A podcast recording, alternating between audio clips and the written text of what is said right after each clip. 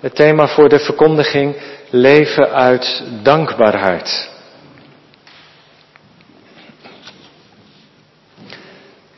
Gemeente van Christus. U hier in de kerk en thuis met ons verbonden. Psalm 116 is het danklied van iemand die gered is. En je ziet het voor ogen, jongens en meisjes. Van enige, af en toe lees je zo'n bericht in de krant dat mensen in de, in de zee gaan zwemmen en dat ze door de stroming meegenomen worden de zee op. En zo moeten we het even voor ons zien vanavond, vanmiddag. Daar staat hij dan, kletsnat aan de kant, trillend als een rietje, de reddingsdeken nog om hem heen geslagen. En langzaam komt hij weer bij zijn positieve. Wie heeft mij gered? stamelt hij. Hij was in de zee gaan zwemmen. Het zag er allemaal prima uit, maar hij had de kracht van de stroming onderschat. En al gaandeweg was hij verder van de kust verwijderd geraakt de open zee op. Hij probeerde met alle macht terug te zwemmen, maar al gaandeweg werd hij moe en lukte het niet meer. Wanhopig, steeds verder de zee ingedreven. Hij, hij riep, hij schreeuwde. En uiteindelijk, gelukkig, was er iemand aan de kant die in de verte daarom zag en die de reddingsbrigade belde. En met een snelle boot kwamen ze op hem af. Die boot kwam langs zij en met sterke armen werd hij uit het water getild. Er werd een deken om hem heen geslagen. En naar de kant gebracht. En daar staat hij dan. Veilig. Door en door verkleumd. Helemaal op. Je kunt het je voorstellen. En nu hij weer veilig aan de kant staat, wil hij weten wie hem uit het water heeft getrokken. Zo dankbaar is hij voor degene die hem heeft gered. Wie was die man, die vrouw die belde daar aan de kustlijn?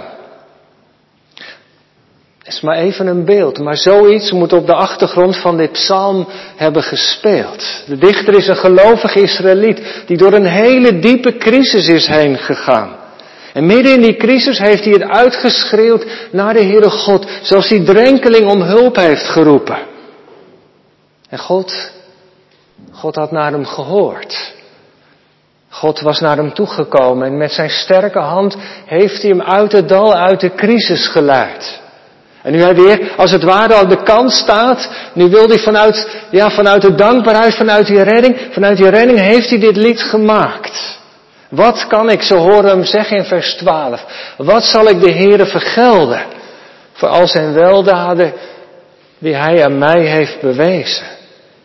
Psalm 116 is een danklied van iemand die is gered. Gelukkig. En dat proef je ook als je het lied heeft. Als je Bijbel bij je hebt, hou maar open bij het lied. Want dan zullen, ik zal er vanavond verschillende keren naar verwijzen. En ik weet niet hoe dat bij u of jou is, maar het is, Psalm 116 is wel een van de eerste psalmen, een van de eerste liederen die je als kind leerde. Misschien is de belangrijkste nog wel Psalm 81, opent uw mond. Maar nog heel dichtbij is ook Psalm 116. God heb ik lief, want die getrouwe Heer hoort mijn stem, mijn smeking en mijn klagen. Misschien heb je het zo op school ook wel geleerd, want hij, hij neigt zijn oor, hij buigt, hij luistert naar mij. Hij schenkt mij hulp, hij redt mij keer op keer. Het werd me al heel vroeg geleerd als kind. Dat ik van de Heere God heel veel mag houden.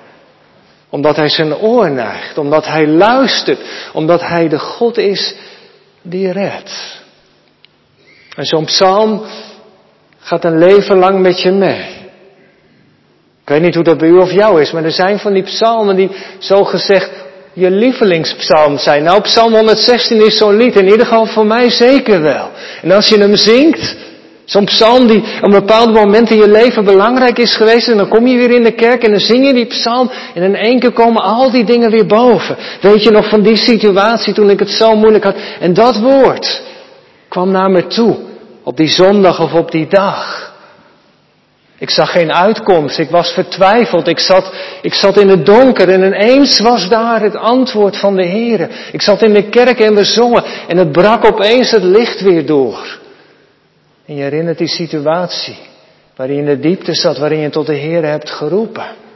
En hoe vanuit het woord vanuit dit lied misschien wel de Heere tot je sprak. En kun je het meezeggen met de dichter, ik heb de Heere lief, ja. Soms moest ik er lang op wachten, maar hij heeft mij gehoord. Ik moest tijdens de voorbereiding van de preek, jongens en meisjes, jongelui, denken aan het lied van Marcel en Lydia Zimmer. Het lied heet Hij is erbij. En dat gaat zo. Zij verwoorden iets van, van, van dit lied. Soms brengt God de storm tot stilte. Dat heb je soms in je eigen leven misschien ook wel mogen ervaren. Soms leidt Hij ons door de storm heen.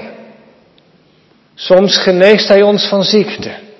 Soms laat Hij het lijden toe. Maar en dan is het refrein, in de stormen van het leven zijn wij niet alleen. Hoe het ook zij.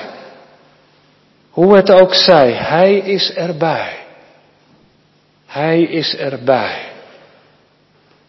Nou, dat is helemaal in de lijn met Psalm 116. En wat we in deze psalm zien vanmiddag, lijkt ook sterk op de drieslag van de Heidelbergse catechismus. Heen hebben we dat ook gelezen. Wat is nodig? De drie stukken. Ellende, verlossing en dankbaarheid. Al die drie thema's komen in deze psalm aan de orde. die vraag van de catechismus, daar begint het, daar heeft u al eerder, is, is daarbij stilgestaan. Wat is uw enige troost? En troost moet je dan vertalen op zijn Engels met trust. Wat is het enige fundament in je leven? En dan is het antwoord dat ik niet van mijzelf ben, maar ik ben van iemand anders. Van mijn getrouwe heiland. De Jezus Christus, die door zijn bloed voor al mijn zonden volkomen betaald heeft, die mij gered heeft, die mij verlost heeft uit de macht van de zonde en van de boze. En wat is nodig dan in dit geloof te kunnen volharden? Dat je weet hoe groot je ellende is, waarvan je door de Here bent verlost. Om voor die verlossing uiteindelijk ook dankbaar te zijn. Ellende, verlossing en dankbaarheid geeft zo in zekere zin houvast. Het probleem is alleen dat in sommige kerken dit tot een soort schema werd, een soort harnas. Een weg die God met mensen gaat, moest dan van, de ene sta, van het ene station naar het volgende station en hopelijk kwam je dan ook in het derde station van de dankbaarheid, de ellende als een soort voorwaarde voor de verlossing. Maar het risico is dat we het werk van de Heere God te veel in een schema persen en dat moeten we niet doen. Zeker. In het leven van een christen, het leven van het geloof zullen alle drie ellende, verlossing en dankbaarheid zeker een rol spelen. En soms ook in de volgorde van de catechismus, zeker. Maar het kan nou even zozeer zijn dat je overweldigd wordt. Heb je dat niet eens ervaren in je leven? Dat je overweldigd werd door de genade van de Heer Jezus. Dat de liefde van de Heiland naar je toe kwam. Op een hele bijzondere manier. En dat je van daaruit ontdekt werd dat je het niet verdiende. De zonde in je leven, de liefdeloosheid, die dingen die niet op orde zijn, dat je er opeens last van begon te krijgen. Van je eigen onwil, van je eigen onmacht. Dominee Nick Tramper, Gouda heeft gewoond, die ook aan de Wittenberg verbonden is geweest, heeft een boekje geschreven over de psalmen. En daarin vergelijk, daar heeft hij het over een cirkel. Ellende, verlossing en dankbaarheid, zegt hij, dat moet je zien als een soort cirkel. Je kunt inderdaad met ellende beginnen, via de verlossing tot de dankbaarheid komen, maar de cirkel kan linksom lopen, maar kan zeker ook rechtsom lopen. Kan ook zijn dat God een andere weg met je gaat. Maar goed, in ieder geval zullen ze in het leven, en dat herkennen we denk ik toch ook wel, alle drie wel een rol spelen. Hoe kan het ook anders? En in de tijd dat de catechismus werd gemaakt, in de begintijd van de reformatie, toen dat geschrift werd opgesteld, oriënteerde men zich natuurlijk veel op de Bijbel, sola scriptura, in het bijzonder op de psalm. En dan kom je die drieslag in de psalmen natuurlijk ook tegen.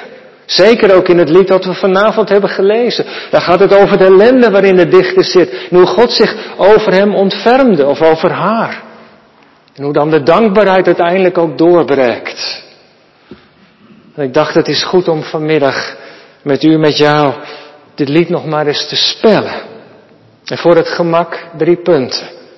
Drie punten in de preek. Ellende, verlossing En dankbaarheid niet als een schema, maar als een kapstok. Allereerst de ellende.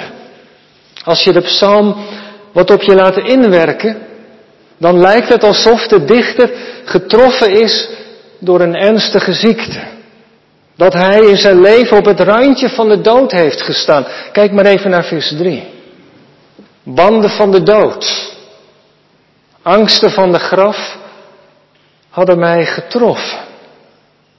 Je zou kunnen zeggen, de dichter is zo moeilijk iemand die met één been al in het graf heeft gestaan. Het kan zomaar gebeuren hè, als een ernstige ziekte je leven binnenkomt en de behandeling is nog niet aangevangen. De behandeling of de resultaten daarvan zijn onzeker. Dan sta je al, ziekte is de voorbode van de dood. Zo gaat het vaak. Helaas in het leven van een mens. Een slopende ziekte met één been in het graf. En als je zelf het hebt meegemaakt en je bent nog bij leven, dan herken je dat natuurlijk ook wel. Iets van die beelden die de psalm zomaar gebruikt. Banden van de dood hadden mij getroffen. dat, is, dat, dat, is, dat is hem overvallen als een, als een golf van tegenslag die over zijn leven viel. Ziekte als voorbode van de dood. Maar hij gebruikt nog andere beelden ook in dit lied. Het lijkt wel of hij in dit lied meerdere situaties in zijn leven in beeld heeft gehad. Vers 6 bijvoorbeeld. Dan horen we hem zeggen, ik was uitgeteerd. Letterlijk, ik was helemaal uitgeput. Kun je denken misschien wel aan een burn-out. Opgebrand. Situatie van je leven, als je te veel hebt gegeven. En alsmaar bent doorgegaan. En als je de signalen van je lichaam en van de omgeving hebt genegeerd, in de wind hebt geslagen, dan kun je uiteindelijk in zo'n situatie terechtkomen dat je gewoon op bent. Dat alles je te veel is. En misschien weet jij of u daar wel iets van. Hoe je leven verandert. Hoe je karakter, je emoties opeens zomaar naar boven kunnen komen. Ik weet niet wat er met hem aan de hand is, maar de minste geringste zit ik opeens te huilen. Of, of vers 10. Ik ben zeer verdrukt geweest. Het Hebreeuwse woordje zou je ook wel met depressiviteit kunnen vertalen. Een depressie. Je kunt nog beter een been breken dan een depressie. Want, want die sombere wolk schuift zich tussen de Heere God en jou in voor je gevoel. En alle hoop wordt je ontnomen. Zo somber. Moet je kijken wat hij zegt, vers 11. Ik ben zeer verdrukt geweest. Ik, ik was zo somber. Dat ik zomaar in alle haast zei, alle mensen zijn leugenaars. En dan zit je er wel diep door. Al die negativiteit in je leven. Zo somber dat hij het vertrouwen in de mensen om hem heen is kwijtgeraakt. Dat is een heftige uitspraak. Dan ben je zeker niet in balans. Dan ben je zeker niet jezelf. In vers 16 spreekt hij over boeien. U hebt mijn boeien losgemaakt. Dat zou op een verslaving kunnen duiden. Heb je daar weet van?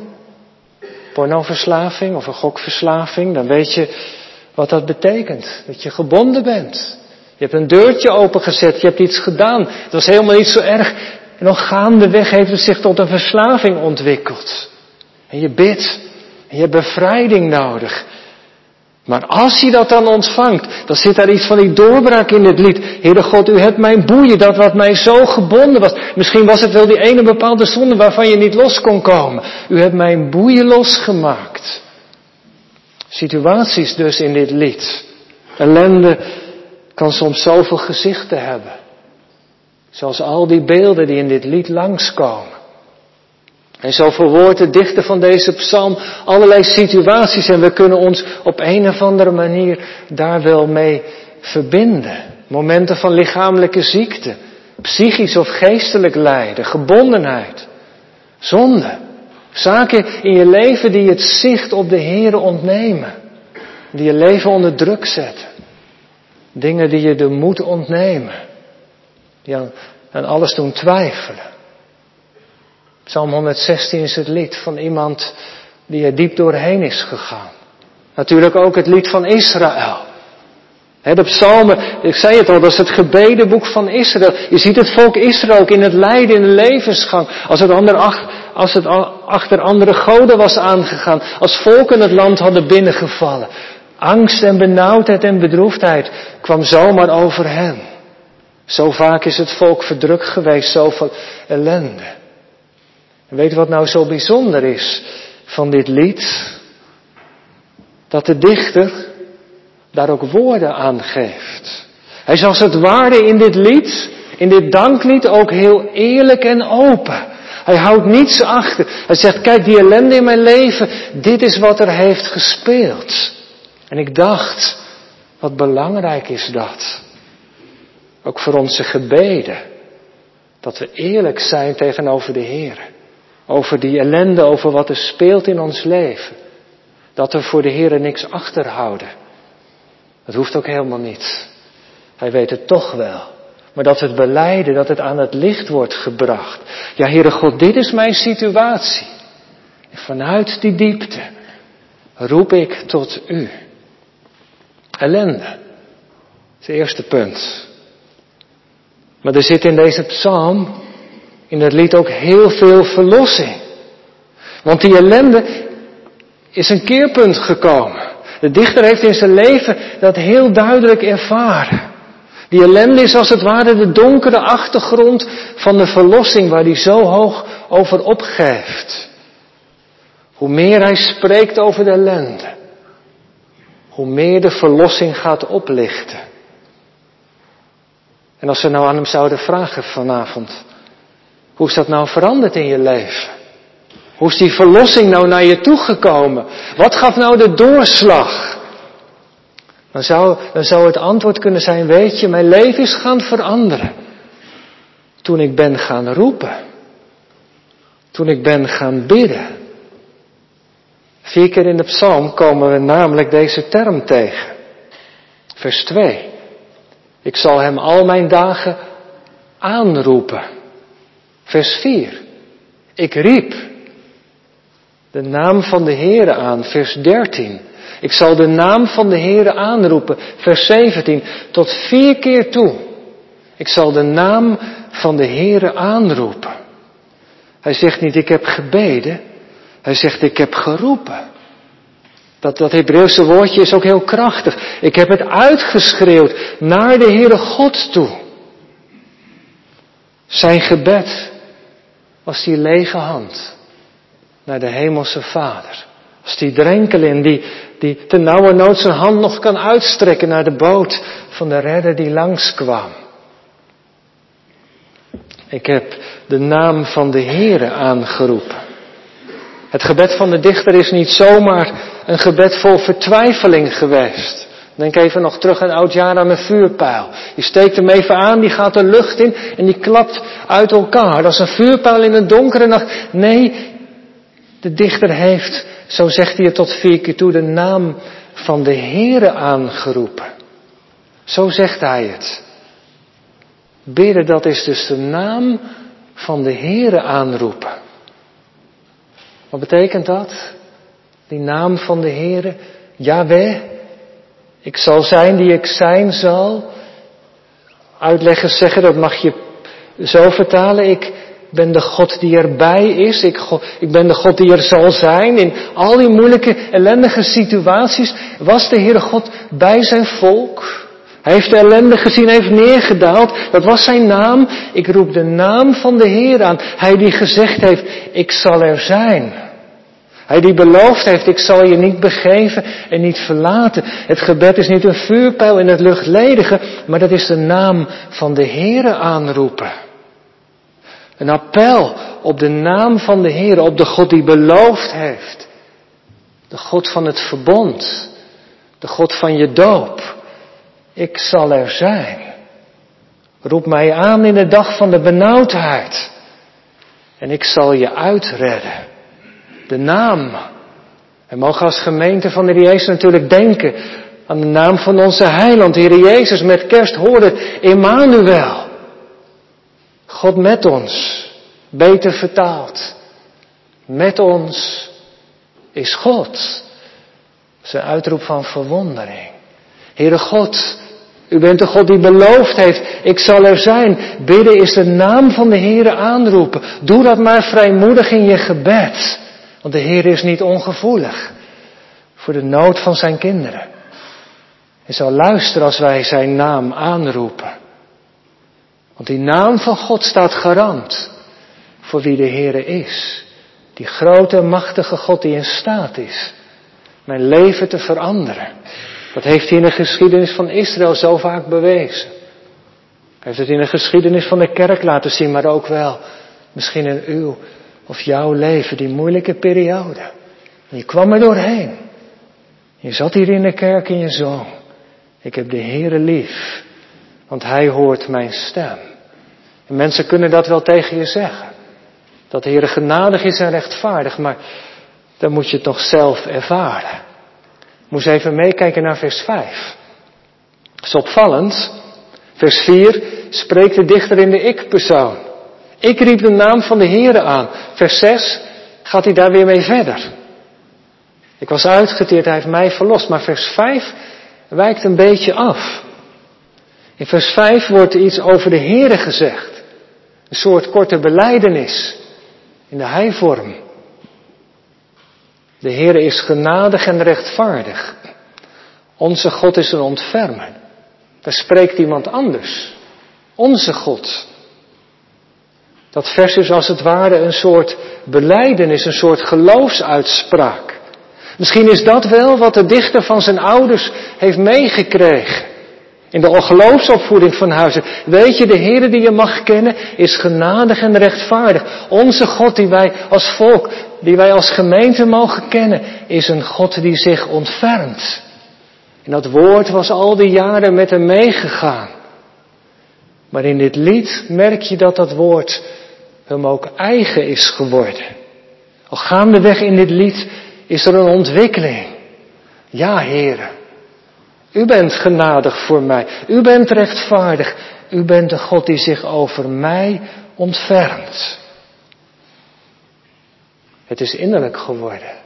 Het is de beleidenis van zijn hart geworden. Wat anderen tegen hem hebben gezegd en beleden, dat is waar gebleken. De Heere heeft zich over hem ontfermd. En wat heeft de dichter nou precies van de Heere ontvangen? Dat weten we niet precies. Was het genezing? Was het nieuwe kracht? Zat hij in een doodlopende weg en heeft de Heer weer een venster geopend? Heeft hij bevrijding ontvangen van zijn verslaving? Ja, dat noemt hij in ieder geval ook. Heeft hij een indruk van de genade gekregen, de vergeving van zijn zonde ervaren? Dat alles denk ik, ja. In vers 12 noemt hij het zo. Wat zal ik de Heere vergelden? Die drenkeling zat op de kant. Hoe kan ik mijn redder bedanken? Wat zal ik aan de Heere teruggeven? Vers 12, voor al zijn weldaden. Dat zijn de genadegaven die hij heeft ontvangen. Ik las in de Engelse vertaling de gracious acts. De genadige daden van de Heer. Mooi, mooi gezegd. In vers 13 vervolgt hij met een prachtig beeld. Hij zegt, ik zal de beker van het heil heffen. Dus de beker van de dankzegging. Ik weet niet precies wanneer u als gemeente avondmaal heeft gevierd of nog in de komende weken avondmaal zal vieren. Maar dit vers doet denken de viering van het avondmaal. De dichter is zo dankbaar. Ik zal de beker van het heil heffen, omhoog heffen, zegt hij. En de naam van de Heere aanroepen. Ik weet niet of u dat nog weet, maar Psalm 116 is onderdeel van een groep psalmen die horen bij het Halleel. Dat zijn de psalmen 113 tot en met 118, die gezongen zijn door Israël bij de paasmaaltijd. Vormen onderdeel van de paasliturgie. Die worden dan gezongen gedurende de paasmaaltijd. En tijdens de paasmaaltijd zijn er vier bekers die worden gedronken. Althans, de laatste beker niet, die wordt overgelaten voor de toekomst. En er is een verwijzing in de Joodse traditie naar Exodus 6. Daar staan zes beloften van de Heer. Dan zegt God tegen zijn volk, ik zal jullie uitleiden, ik zal jullie redden, ik zal jullie verlossen en ik zal jullie aannemen tot mijn volk. In de Joodse traditie zijn die vier beloften verbonden met die bekers die tijdens de paasmaaltijd worden gedronken. En als de Heer Jezus die paasmaaltijd met zijn discipelen viert en de instelling geeft van het heilige avondmaal, is het de derde beker. De beker van de verlossing die hij opneemt. En die hij aan zijn discipelen aanreikt. Dit is mijn, mijn, mijn bloed. Dat vergoten is. Tot voorkomen verzoening voor jullie zonden. die beker is de beker van de dankzegging. Over de verlossing die God geeft. En zo neemt de dichter van dit lied die derde beker van de verlossing in zijn hand. En ik moest wel sterk denken aan het avondmaal. Want wat vieren we als we avondmaal vieren als gemeente? Dan gedenken we en vieren wat Heer Jezus Christus voor ons heeft gedaan. Die derde beker herinnert ons aan zijn leven dat hij gaf tot, tot verzoening voor onze zonden. Het is de beker van de verlossing die hij ons aanreikt. De verlossing van onze schuld, van onze zonde. Dankzij Hem kan de relatie met de Heer worden hersteld. Het is de beker van de verlossing die wij prijzen, waarvoor wij God danken. Dat vieren we in het avondmaal. En vanuit de verzoening met de Heer komen ook alle andere weldaden ons leven binnen. Kracht voor vandaag, hoop voor de toekomst, moed voor de nieuwe week. Soms heb ik het meegemaakt dat aan een avondmaalstafel banden en boeien werden verbroken. Dat mensen zo diep in hun hart werden geraakt vanwege de verlossing. Dat die psalm en, en de verwondering van de dichter helemaal voor hen ging leven. Dat is wat als tot je doordringt. Wie de Jezus is en wat hij voor je heeft gedaan. Als het niet alleen maar in de derde persoon gezegd wordt, maar als het je eigen wordt. Dan bloeit je leven open voor Hem. Want in die tekenen van brood en wijn bevestigt Hij alle beloften van Zijn liefde en van Zijn genade. De beker van het heil. En dat woordje heil in het Hebreeuws, Yeshua, wordt door de Joden gebruikt tot op de dag van vandaag voor de Heer Jezus. Het is de beker van het heil die de dichter omhoog heeft. Dank u, Heer Jezus, dat u dit voor mij heeft gedaan. Psalm 116 is een profetische psalm. De dichter kon het allemaal nog niet bevroeden, maar wij natuurlijk met de kennis van nu wel. De dichter, die psalm die wijst vooruit. Hij heeft zijn vervulling gevonden in het leven van de Heer Jezus. En als Hij je heiland is, dan kan het toch niet anders dan dat je Hem lief hebt.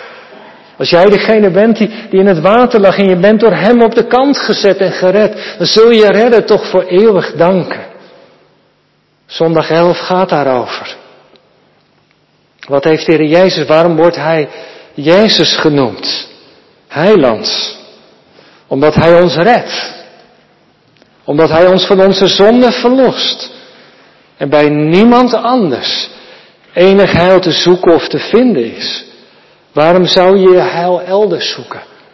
Als in de Jezus zoveel te vinden is, zegt de catechismus.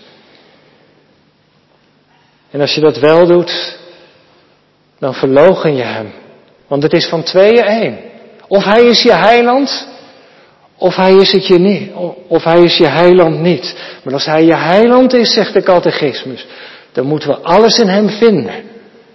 Wat in hem te vinden is. Wat ons heil noodzakelijk is.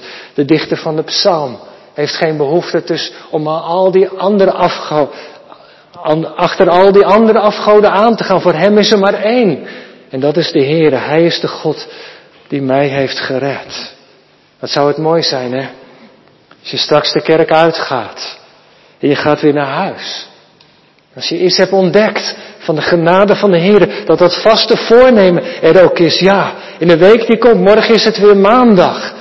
Maar ik zal, dat is mijn vaste voornemen, leven in dankbaarheid. Als ik opsta, als ik ga slapen. Heer Jezus, als ik de gordijnen ochtends weer open doe, dank u wel voor deze nieuwe dag. Dank u wel dat u de God bent die mij redt. Leven in dankbaarheid. ellende, verlossing. En het derde punt, dankbaarheid. Het is wel een rode draad hè, in deze psalm. De dankbaarheid. Wat is het voornaamste kenmerk van een christen?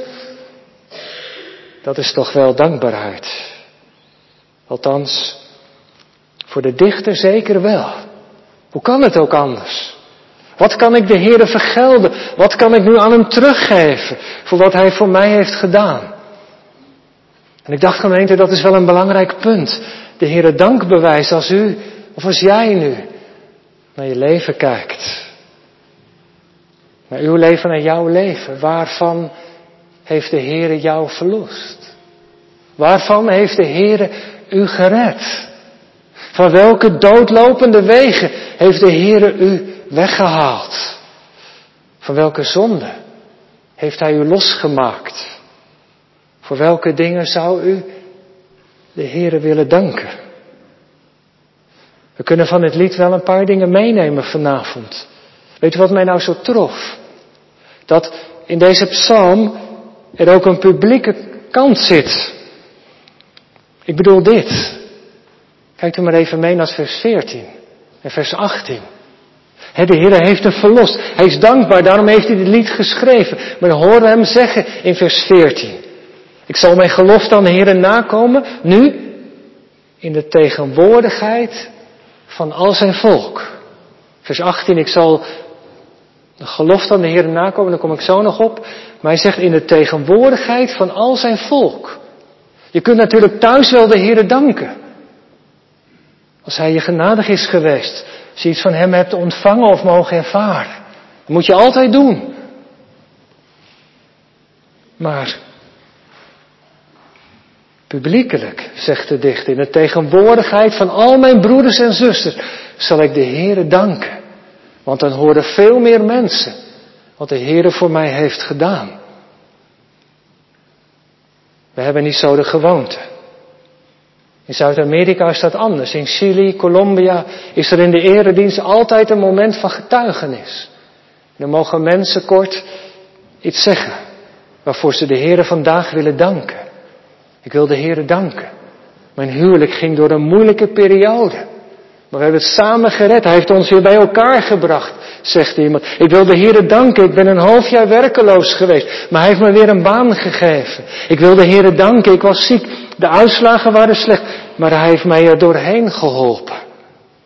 Dat publieke karakter is belangrijk. Ik herinner mij een broeder. Ik had een strippenkaart als dominee op het ziekenhuis. Zo vaak ik hem opgezocht heb, heeft twee keer aan het randje van de dood gestaan. En door dat alles na anderhalf jaar heen was hij er doorheen gekomen. Dus zei ik, broeder, zullen we de Heer in de gemeente daar niet een keer publiekelijk voor danken? Maar hij wilde het niet. Hij durfde het niet. Nee, nee, nee. Is niet goed als de mens centraal staat. Nou, dat zijn we, ben ik natuurlijk helemaal met hem eens. Daar gaat het niet om. Het is niet, we willen niet dat de mens in het middelpunt staan. Maar je kan het ook van de andere kant bekijken. Als wij de Heer niet prijzen. Als wij niet vertellen wat Hij voor ons heeft gedaan. Wie doet dat dan wel? En hoe krijgt Hij dan de eer die Hem toekomt? Voor Zijn genade, voor Zijn vergeving. Voor het heil dat we van Hem ontvingen. Is de Heer het niet waar dat we dat aan elkaar vertellen? Dat we dat delen? En getuigen, dat is van jezelf afwijzen. Hè? Daar gaat het om. Is hij het niet waard om het met elkaar te delen? Ik zal in het midden van de gemeente, in de tegenwoordigheid van al zijn volk, mijn gelofte na, misschien had hij het wel gezegd. Weet je, als de Heere mij uitleidt, als de Heere zich over mij ontfermt, dan zal ik in het midden van de gemeente mijn mond niet houden en dan zal ik hem prijzen daarvoor. En in het lied is hij de gelofte nagekomen. Gemeente, ik ga afronden, het is tijd. Hoe krijgt nou die dankbaarheid gestalte in ons leven? Morgen is het weer maandag, dan stappen we de hectiek van ons leven weer in. Het lied reikt ons vijf dingen aan. Om de dankbaarheid vorm te geven. Ik noem ze kort even, vers 1. Ik heb de Heere lief, zegt de dichter. Dankbaarheid vertaalt zich in wederliefde. Tot wie zullen wij anders heen gaan Zondag 11. Tot de Heere toch? Het tweede punt. Vers 2 zegt hij, ik zal hem al mijn dagen aanroepen. Elke dag zal ik proberen althans, met vallen en opstaan natuurlijk, zal ik opstaan. En de Heere danken voor de nieuwe dag. Zijn gebedsleven is erdoor geïntensiveerd. En het derde, vers 9. Hij neemt zich voor. Door de crisis heen.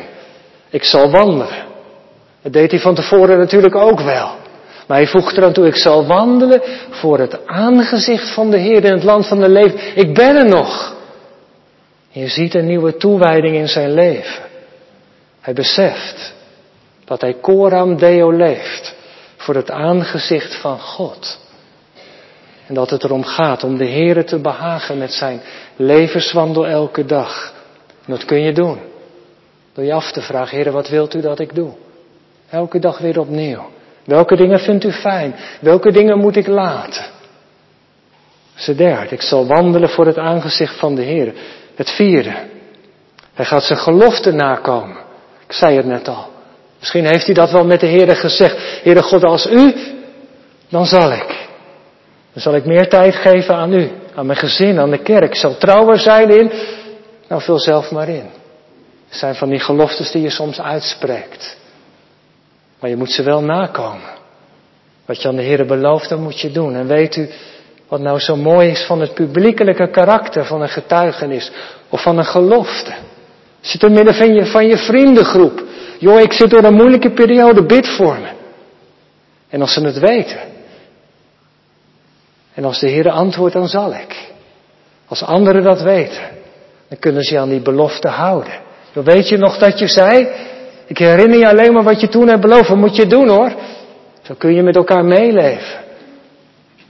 En de vijfde, vers 14, 18 en 19, blijkt dat hij steeds weer in het huis van de Heer te vinden is. Hij neemt zich voor om trouw te zijn in de dienst van de Heer. Vijf praktische dingen. Voor morgen, als het weer maandag is. Kijk, het gaat er niet om dat de dichter in de gunst van de Heer wil komen door wat hij doet. Maar zie het als een antwoord. Want, want wat hij kan doen, dat steekt in schreeuw contrast met wat de Heer voor hem heeft gedaan. Maar dat is het verlangen van zijn hart, omdat de Heer het waard is. Natuurlijk. Morgen zijn er weer de zorgen. Zijn er weer de moeilijke omstandigheden? Is er die worsteling met je karakter, met een bepaalde zonde? Ons leven verandert niet van de een op andere dag. Maar laten we ons niet daardoor uit het veld slaan. We hebben een naam gekregen. De naam van de Heer Jezus Christus. De God Emmanuel. Hij die erbij is. En die naam mogen we aanroepen. Elke dag. Wie hem aanroept in de nood. Vindt zijn gunst. Oneindig groot.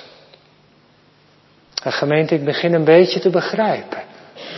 Waarom de dichter zegt. Waarom hij de psalm zo begint. Ik heb de Heere lief. Want dat is de hoogste vorm van dankbaarheid, toch? Zeg je daar ook amen op? Amen.